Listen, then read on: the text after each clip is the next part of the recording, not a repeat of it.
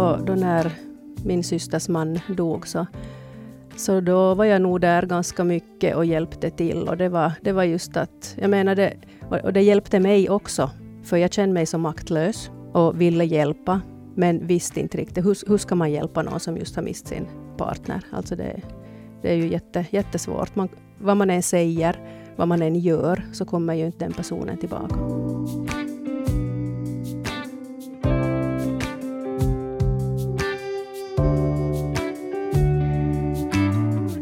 Idag ska vi här i relationspodden ta upp ett ganska tungt ämne, kanske ett av de allra tyngsta tänkbara ämnena. Och den här tanken eh, satte igång när vi fick ett, ett brev. Det är faktiskt en, en ganska lång tid sedan vi fick det här brevet, men nu ska jag läsa upp. Det var M som skrev så här till oss. Jag önskar att ni i podden skulle ta upp den situation som jag är i sedan två år tillbaka. Jag blev nämligen änka vid 42 års ålder och jag har fem barn. Fyra av dem var då ännu under 18 år. Det som inte skulle få hända, hände. Jag skulle kunna berätta hur mycket som helst om den här upplevelsen. Om att sörja, att inte orka jobba heltid längre, om alla gråtattacker, att försöka stötta barnen som sörjer och är ledsna, när jag egentligen inte skulle orka trösta för att jag är så trött och ledsen själv. Jag känner att jag inte har någon familj längre, fast jag ju har mina barn. Var glad att du har dina barn så att du inte behöver vara ensam. Det kan folk säga för att trösta mig. Jo tack, men ta då i gengäld min oro som krampar i bröstet. Hur kommer det att bli? Hur ska det gå för barnen? Jag längtar tills de alla är myndiga och jag kan andas ut lite. Jag håller skenet uppe och får ofta höra att jag är så stark. Men skenet bedrar. Min situation skulle jag inte önska någon människa i världen. Skrev M till relationspodden. Ja, det här då man förlorar en människa mitt i livet hur går man vidare då? Eller hur tacklar man det överhuvudtaget? Alla vet ju det att ha fem barn och vara 42 år gammal, det är ju svårt fast man inte ens skulle råka ut för någon sån här katastrof. Men eh, idag så ska vi ta och försöka hitta lite kamratstöd i den här väldigt svåra situationen då en närstående går bort mitt i livet. Och eh, vi kände ju förstås, Eva, du och jag, att vi behöver lite förstärkning här och mm. eh, den har vi bjudit in i form av eh, korttidsterapeuten och kuratorn Tanja Forslund. Hej på dig! Hejsan! Förutom att du har mött äh, människor i din yrkesroll som har drabbats av sorg så har du också privat erfarenhet av det. Din systers man han dog väldigt plötsligt också i, i medelåldern. Så du har liksom sett det här lite från, från alla håll och kanter. Så därför är det fint att du är här och, och hjälper oss lite. Den här brevskrivaren skriver att det är så svårt då man inte, eller hur ska man orka då man inte orkar alls? Och, och jag menar, jag vet inte ens var vi ska börja i det här ändå, för det känns, känns som en så hopplös situation. Vad skulle du kunna ge för tips? Ja, det är ju jättesvår svår sak det här, som du säger, att det att var ska man börja? Vad ska man säga åt någon som är i sorg? Och hon som skrev in här då och har blivit änka och med många barn, så man behöver ju inte vara ensam och lämnas ensam med det. Att får hon hjälp att bearbeta den här sorgen? Alla har ju inte heller behov av att prata med någon. Men om man har behov av att prata, så har man, har man nätverk, har man vänner, har man familj. Ta hjälp av dem. Har man inte ett nätverk så då finns det ju diakoniarbetare inom församlingar. Det finns eh, via socialen kan man få stöd och hjälp i olika situationer. Det finns eh, via HVC psykologer, terapeuter. Så jag tänker att inte man lämnar ensam med det. En sak jag funderar här på är att alla sörjer ju säkert på lite olika sätt. Att en del kanske bara vill knoga vidare och nästan låtsas som att ingenting har hänt och det är deras sätt att bearbeta det och, och andra kan ju då liksom dras ner i en svår depression. Men skulle du Tanja säga att det finns något sådana återkommande mönster i en sorgeprocess som man kan se? Det finns det ju nog. En indelning av sorgens olika faser så är att det första är chockfasen. Att allt känns väldigt overkligt, oförklarligt och ofattbart. Andra fasen, reaktionsfasen, att man inser vad som har hänt. Och, och här då kan det just leda till, till lite flyktbeteende, som du sa, Eva, att, att man kanske flyr in i arbete eller någonting, för att inte behöva möta de här jobbiga känslorna. Man kan ju också ta till alkohol, mediciner eller någonting. Att fylla dagarna med program är ju också ett, ett flyktbeteende. Att vara medveten om det här, att, att eh, det, man kanske inte ser det själv, men att man har folk runt om sig kanske som märker ifall det börjar gå gå för hårt eller gå åt fel håll. Och det är ju lätt att fastna här så att man kan behöva hjälp att ta sig vidare. Och den här tredje fasen, reparationsfasen, då har man bearbetat känslorna, man är lite lugnare. Kanske har man accepterat sorgen. Och den fjärde, nyorienteringsfasen, då har man oftast tagit sig igenom de här tidigare faserna. Man är mera tillfreds, vågar och kanske vill blicka framåt och, och känner glädje. De här olika faserna då, så de, de kan ju överlappa varandra och de kan komma i olika ordning. Att det, det är ju inte så där att det, det går så här ett, två, tre, fyra. Mm. Det där är ju så individuellt och ingen kan säga att nu, nu ska du sörja ett år och sen är det, är det bra. Jag tänkte just på det där liksom att finns det som någon tidsbegränsning eller en tidsram för sorg? För att eh, jag tänker på att finns det som en risk att man börjar identifiera sig med den här sörjande personen? Att man, att man i något skede bara helt enkelt måste skärpa sig och, och släppa det. Och det här låter kallt och det låter hårt. Men jag tänker bara för den sörjande personens framtid att man i något skede att man ännu ska kunna liksom leva sitt eget liv. Mm. Ja, jag tänker att det finns väl en risk att man just att om inte man vill ta itu med, med, med sorgen och med de här känslorna och, och, och vad, vad blir det till det här? Hur, hur, kommer mitt liv att se ut? Så ja, nu tror jag att det finns en risk att man, man fastnar i det och lämnar i det. Det kanske till och med inte var så dumt så där som förr i världen när det fanns ett allmänt socialt accepterat formulär för det här. Att hur länge man skulle gå klädd i svart och, och hur mm. länge man skulle sörja. Och, och sen i något skede så var liksom tiden ute och då förväntades man gå vidare. Och kanske man inte inom sig alls var redo men, men i alla fall det där drev väl lite på. Ja, eller att man skulle gå svartklädd i ett år och mm. sen efter det har man i princip sörjt färdigt att då du har gått, gått igenom alla årstider och alla händelser utan den där personen. Ja, jag tycker det är ganska krasst att tänka så att, det, att du har ett år på dig nu och sen, ja, sen, sen får du skärpa bra. dig. Ja, ja. ja. Nej, att det, det finns tänka. ju ingen handbok i hur man sörjer och, och, och hur det ska gå till. Så nej, det är nog så individuellt och, och det, det, är ju jobbigt kanske att höra för den som är i det. Man skulle vilja att någon skulle säga att ja, men efter så och så länge så kommer det att bli bättre. Mm. Eller så kommer det att ändra någonting. Men att det finns ju inte. Här hade vi ett annat brev också. Det här är alltså ett, ett, eh, ganska nytt brev, så det här är en situation som är högst aktuell ännu. Lady, 36 år, skrev så här till oss. Jag har för bara tio dagar sedan förlorat min man. Han begick självmord och lämnade mig ensam med våra två barn. Jag är alltså nu änka vid 36 år och det känns för jävligt. Så jag hoppas att ert program skänker mig tröst. Det hoppas jag Lady 36 år också att det ska göra. Men Tanja, jag börjar fundera på en sån här grej. Eh, förutom då de här olika faserna så finns det säkert en uppsjö med olika känslor som kan bubbla fram när man sörjer. Förutom förstås det att man säkert är förkrossad.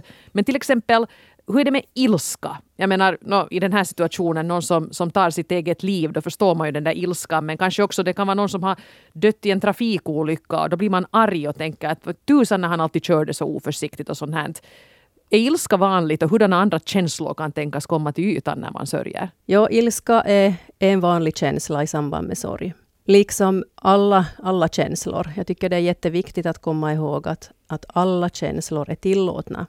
Att vi, vi har ju alla känslor inom oss och de kan ju bubbla upp vad man tycker kanske själv i, i opassliga stunder. Att nej, men hur kan jag känna så här nu? Hur kan jag känna glädje mm. när jag sörjer till mm. exempel. Ja, sitter jag här och skrattar nu när, när allt är helt hemskt? Mm, precis. Mm. Jag tycker att man ska acceptera att, att man har alla känslor. Att man, om, om man kommer på sig själv, man känner kanske skam för att man skrattar. Acceptera att du har de känslorna, men, men lämna inte i dem, utan låt, den, låt de flyga vidare den, den tanken och de känslorna att okej, okay, men nu känner jag så här, men att det är helt okej. Okay. Jag tänker också på den här, eh, nu den här senaste brevskrivaren här nu, Lady 36 år, då vi fick in det här brevet så jag skulle uppskatta att det kanske nog gått en månad, så det är ju jätte, jättefärskt. Och, och att ha en man som tar, som tar livet av sig, eller en partner som tar livet av sig, så, så det måste ju vara helt en fruktansvärd situation och vi, vi beklagar sorgen härifrån.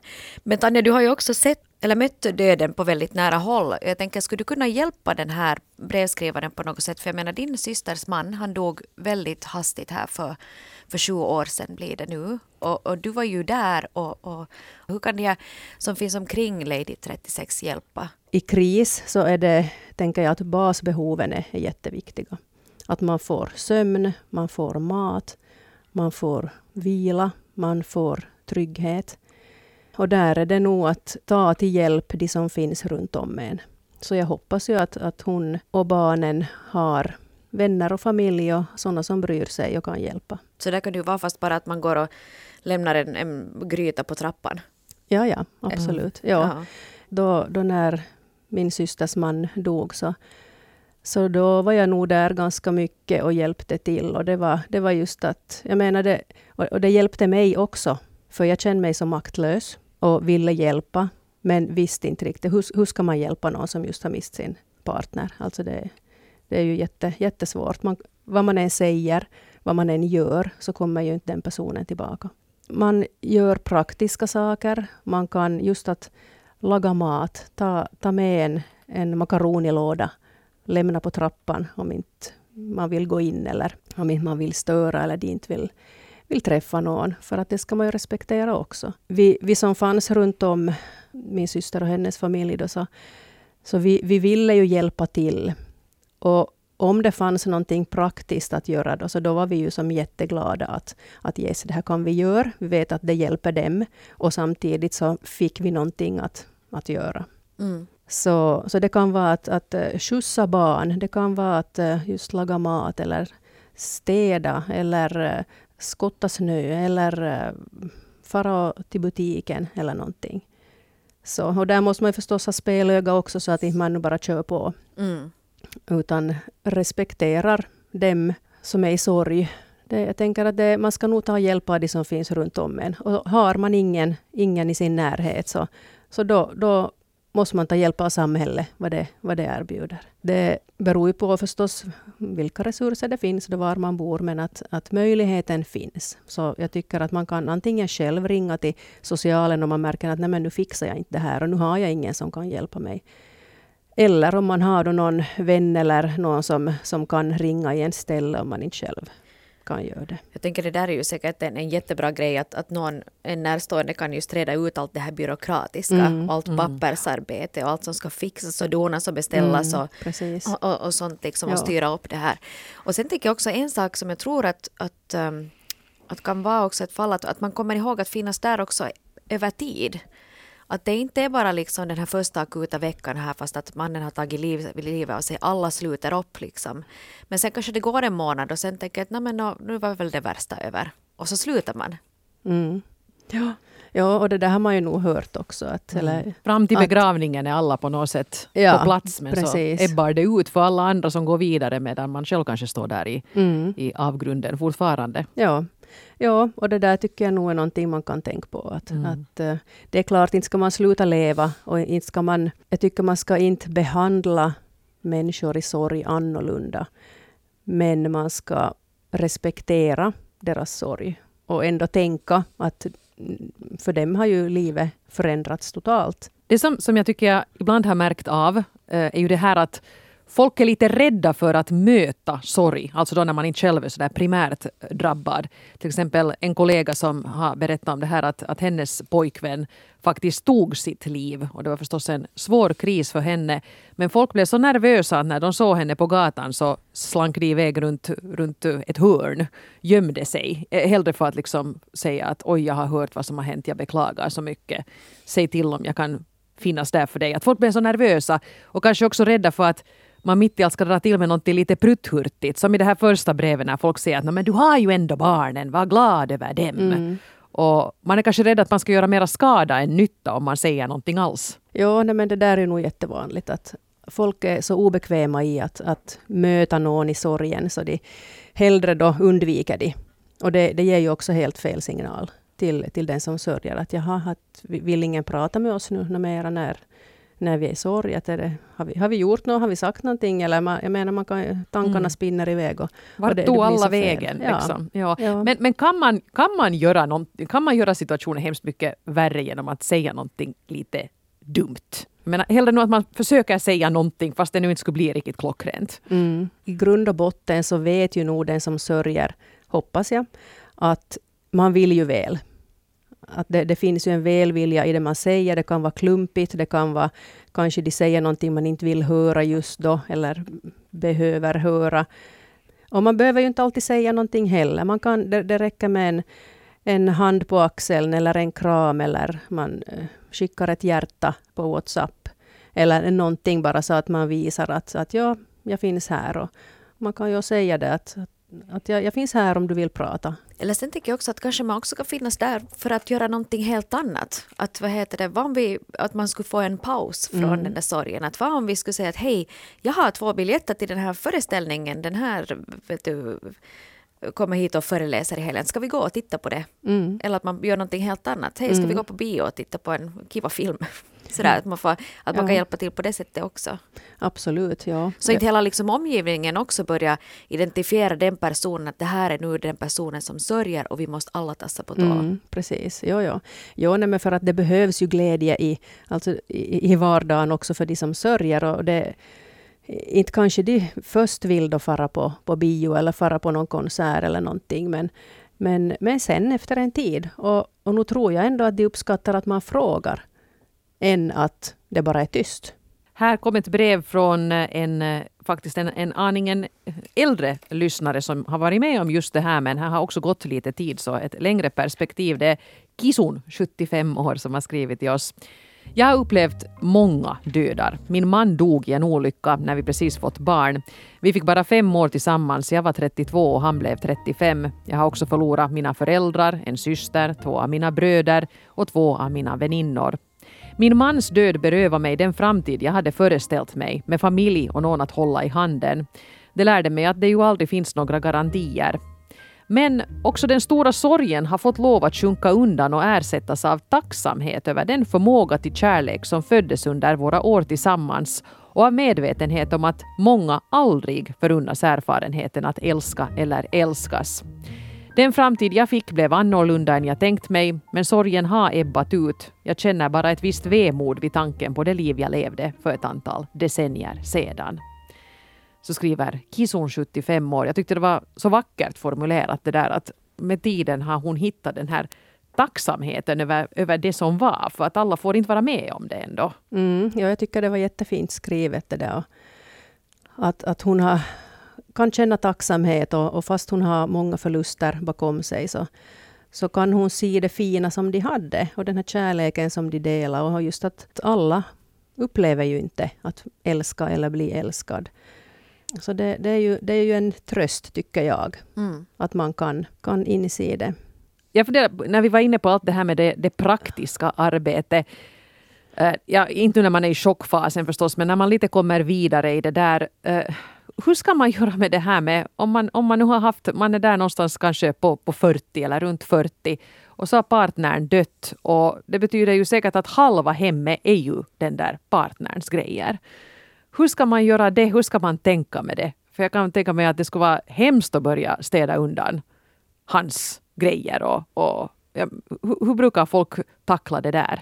Det är ju en process det där att, att ta itu med, med saker som lämnar efter. Både allt från kläder till, till papper och mappar och uh, allt vad det kan handla om.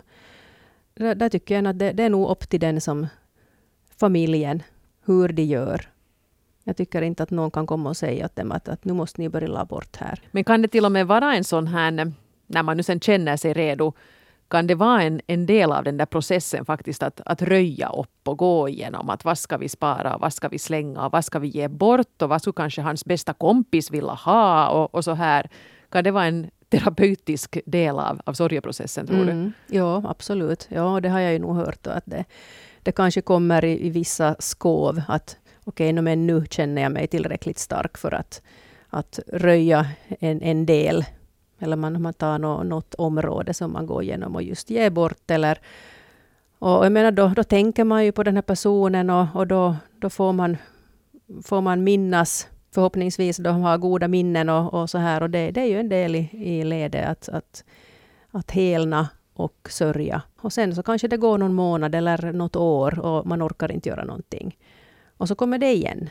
Att man kanske tar itu med, med, med en annan del som man, som man orkar med just då. Mm. mm. Och kanske man också där som, som närstående då kan hjälpa till med det där. Nu, jag har inte upplevt äh, än så länge liksom något dödsfall på riktigt nära håll utan det har varit liksom gamla människor som har dött av, av ålder och sådär. Och då kan jag tänka att, att för till exempel då min mommo dog så var det väldigt svårt för min mamma som enda barnet att göra sig av med hennes grejer. Mm. Så var det istället så att men välj du ut nu någonting som du tycker att är viktigt och så tar man det och sen kan man som närstående hjälpa till med det där grovjobbet mm, med att gå precis. igenom det där för att för jag tror att den som sörjer också kan känna dåligt samvete för att göra sig, men kan jag ju slänga det här som någon har mm. broderat liksom satt mycket tid på eller vet du fixa eller här är min mans äh, verkstad och han har donat med det här att inte kan ju bara slänga det, att det känns lite respektlöst mm. att göra sig av med mm. det. Så kanske det är lättare då att någon annan kan komma in så ringer jag till Eva istället och säger hej Eva, kan du jag, tittar, jag går ut med hunden, kan du bara göra, det, gör mig av med det här mm. under tiden? Ja, absolut. Ja, det är jättebra om man har familj och vänner som, som kan ställa upp och göra sånt. Mm. Mm. Där måste man nog säkert också vara lite försiktig som anhörig, för om man sen kommer in där som i sin bästa skurgumme-outfit och går fram för fort, mm. så kan det ju vara hemskt traumatiskt för de där som, som är i sorgen. Att, men vart, vart får pappas alla grejer? Ja, så, precis. Men jag förde dem till Konti, att jag trodde att ni inte ville ha mm, dem. Ja. Ja, ja. Och jag, jag, det kan nog hända att, att jag har sagt någonting klumpigt också åt just syster och, och hennes barn då när, när det gällde någonting. Men det, då inte man är i det själv så är det jättesvårt att veta hur någon tar emot det. Så mm. att, ja, alla gör vi väl våra misstag där också. Jag hoppas bara att man kan, då, att man kan säga till att, att nej, men nu tycker jag att det här, det här är inte okej. Ja. Kanske man, man borde köra på med någon sorts sån här välment trial and error. För det kan ju hända att den där som sörjer inte heller riktigt vet vilken, mm. vilken hjälp som skulle kännas bäst. Så att man bara erbjuder olika. att Vill du att jag gör det här eller ska vi hitta på någonting? Och så får den där andra då känna efter och säga jo eller nej. Mm, absolut. Ja. Och kanske just att, att man, man ska ta någon typ av sån här riktlinje att det är bättre att göra fast lite för mycket än att inte göra, eller göra för lite i det här med att man visar omsorg och, mm. och hör av sig och så. Mm. Ja, det sa ju nog min syster då också att de var ju så i sin sorg så att de ville ingenting, orkade ingenting, men att efteråt har, har hon ju insett att, att det var bra att de fick hjälp i olika saker av vänner som kom och, liksom och, och, och skickade. Och fast inte orka svara eller på det viset, men att, att det, det värmde. Så det, det är nog jätteviktigt att man, man hör av sig och, och visar att man, man tänker på dem. Nu har vi ju pratat en del om, om det här med de närmast anhöriga och, och vad de kan, och, och, kanske liksom riktigt nära kompisar och sådär, vad, vad de kan göra för att hjälpa till. Men jag funderar lite på en sak som togs upp i det här allra första brevet som vi läste och det är ju det här med arbete. Om du är mitt i livet och du har fem barn och du har plötsligt blivit ensam försörjare för dem, då måste du ju helt enkelt jobba för att ha råd med saker och ting. Och då kan man kanske inte vara sjukledig hur, hur länge som helst. Hur ska vi liksom som samhälle tackla en sån där situation? Det, det är nog många som, som får det jättekärvt ekonomiskt när det, när det blir ett dödsfall, partnern dör make, makan dör. Så där finns ju också då socialen som man kan ta hjälp av. Att de kan reda ut, de kan hjälpa med, med att se över hela situationen. Har man möjlighet att få något ekonomiskt stöd, ibland kan de hjälpa till då med, med någonting gällande barnen eller så där som då också är indirekt är ekonomiskt stöd. Det tänker jag att lämna inte ensam i alla fall och, och, och låt det gå i botten tills du sitter helt barskrapad, utan ta reda på vad det finns för, för hjälp att få. Det också, jag vet jag, församlingar kan ha att de, de kan dela ut bidrag och tredje sektorn. Och inom eh, välfärdsområdena då, så finns det ju olika möjligheter att få både psykosocialt stöd och eh, ekonomiskt stöd men det är ju det man, då, då man är i, i, sin sorg så vet man ju inte, man orkar inte reda på. Mm. Och, men, men just då att det finns någon bredvid som kan göra det åt dig då. Ja, det, jag tänker att det kan ju finnas en, en risk att man just som du sa, sa där Tanja, att man kör sin ekonomi i botten, att man orkar inte öppna de där räkningarna och man orkar inte logga in på sin nätbank och sen mm. så blir det bara, så får det till indrivning och så blir det bara ett enda stor soppa av alltihopa. Mm. Liksom rent pengamässigt. Ja. Och det där kan ju också vara ett, ett flyktbeteende, att man, man orkar inte ta tag i saker och ting, så då, då lämnar man det bara och då, då blir det ju värre i slutändan. Mm. Vi hade fått ett brev här ännu och det kom från Olga, 59, som skriver så här. Jag blev änka när jag var 35 och båda barnen var då under 10 år gamla. Nu är de vuxna och vi har ju synbarligen klarat oss. Men egentligen inte. Det handlar mer om acceptans. Att acceptera att livet kan slå så hårt att man aldrig någonsin blir hel igen. Man lever vidare dag för dag, men ofta undrar man varför man egentligen gör det. skrev Olga, 59 år. Jag, det, jag tänker om, om vi nu utgår, om jag tolkar fritt här så tänker jag att Olga är 59 år. Mm. Blev änka då, då Olga var för 25 30, år sedan. För 25 år sedan. Alltså, jag vet inte, det, det känns som att det är hemskt att säga men jag tycker också att det är lite slöseri med tid och ens eget liv om man där fastnar i det på det sättet. Att det är klart att liksom livet slår hårt men jag tycker också att man har en skyldighet gentemot sig själv att också få prioritera sig själv och gå vidare. Mm. Vad, tänker du? Jag menar, du jobbar ju Tanja som, som korttidsterapeut så här så måste inte man liksom bara helt enkelt, är acceptans nyckeln till att kunna gå vidare? Det kan vara en nyckel. Och jag tänker att för det första att man, man är medveten om vad är det jag känner. Kanske finns det skuld, skam bakom som gör att man inte vill eller vågar släppa taget. Då, då tänker jag att det, det är viktigt att man får hjälp att att reda ut det här för sig själv. Gå och prata med någon eller prata med dina vänner, din, din familj eller någon som du har förtroende för. Så att inte man gräver ner sig och, och fastnar i det. Att man, man lämnar i den, där, den fasen och inte slipper vidare. Jag får kanske lite känslan här av, av Olgas brev att jag menar visst 25 år har gått men, men kanske det ännu skulle vara skäl att söka, söka hjälp om det fortfarande känns så här tungt. Mm. Jag menar acceptansen har, har kommit men kanske det är lite som, som att Olga har visar upp den här acceptansfasaden utåt och har ju gått vidare och har kämpat på och uppfostrat sina barn och, och, och, det har gått bra allting ändå. Men att den här sorgen ännu sitter kvar. Kanske Olga skulle behöva tala med något proffs. Mm. Jag tänker det att, att tidigare generationer, så det var ju inte lika vanligt att man pratade om, om svåra och tunga saker. Man skulle bara bita ihop och gå vidare. Så det kan ju hända att det, det är något sånt. Och förstås det är ju helt individuella personligheter. Man, man, har ju olika personligheter. Är man en sån som pratar? Är man, är man en sån som är positivt lagd eller, eller ser glaset mera som halvtomt? Att prata om det. No, jag, jag jobbar mm. med det jag jobbar, så jag, mm. jag tycker det är jätteviktigt att man pratar och jag ser ju att det hjälper. Och är man inte en sån som bara tycker om att öppna sig och prata, prata, prata, så det finns ju, det finns ju olika sorts terapier. Det finns ju olika föreningar som kan stödja. Till exempel CAPY, RY, för de som har mist ett barn. HOMA, för närstående till brottsoffer. Nuoret Läsket, för änkor och änklingar i arbetsför ålder. Och Surunauha, eller Sorgbandet på svenska, för efterlevande till de som har begått självmord. Och så finns det ju många olika kristelefoner och chattforum för både vuxna och barn. Fast de här namnen nu är på, på finska så, så har de också svenskspråkig verksamhet. Så, så det tänker jag är viktig, viktig information, att man kan gå med. De, de har ju då olika verksamheter. De har eh, fysiska träffar, de har eh, diskussionsgrupper på nätet, veckoslutsläger och allt möjligt. Mm, det där är jättebra, mm. för det kan ju hända att de som har lättast att nå fram till en är ju de som är i samma situation själv mm. och vet hur det är. Ja, kamratstöd, det, det nämnde jag väl kanske inte här i något skede, men kamratstöd är ju nog jätteviktigt. Ja, och man kanske kan hitta sina känslor på ett annat sätt. Att, uh, till exempel musik kan ju vara ja, en, en jättebra bra liksom sådär som, som får det att lossa någonstans. Mm, att om ja. man inte får kommer åt den där känslan. Mm, att mm. måla. Mm skaffa en hund. Ja, Ser som inte precis. hundmänniska alls. Men jag, ja. Eller en jag katt. Tänkte att, ja, precis. ja. Ja, no, någonting som på något sätt Speciellt kanske då om, om barnen har blivit stora och man plötsligt är, är ensam, liksom på dubbelt så ensam. Ja. Mm. Så kanske det inte skulle kunna vara en, kanske det skulle kunna vara en riktigt bra idé. Mm. Eller skaffa en ny partner. Jag tror att om man, om man, många, de här som har skrivit, så de blivit änkor, nu har vi bara änkor här som har blivit det typ i 35-årsåldern, Eh, sådär, alltså mitt i livet, att man tänker att det finns många, många bra år ännu.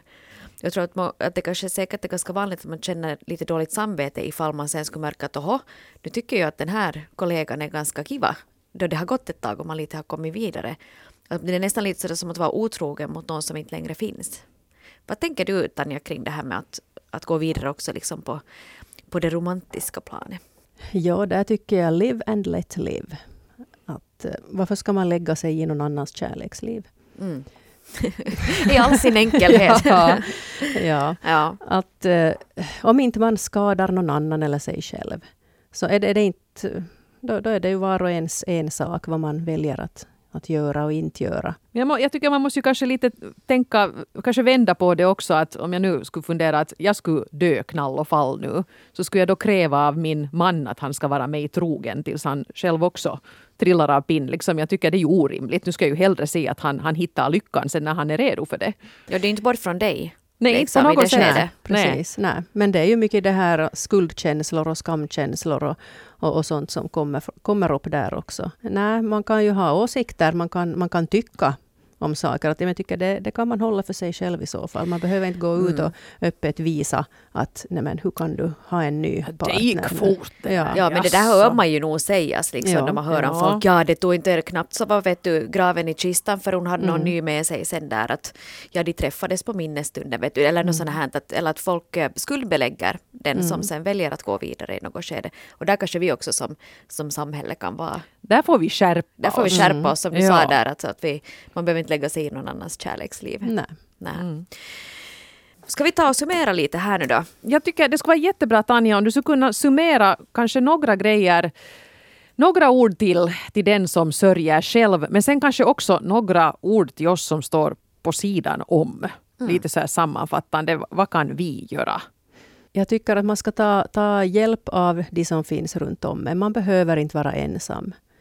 Det finns, eh, finns både privata nätverk och sen samhällets nätverk som kan stödja då man har, har sorg och är i kris. Och orkar man inte själv ta reda på eller ta kontakt så ett tips då till de som finns runt en att håll kontakten, erbjud hjälp. Eller inte ens alltid erbjud, utan man bara säger att nu, nu kommer jag. Om en halvtimme så kommer jag med en köttgryta eller någonting. Så att, Mm.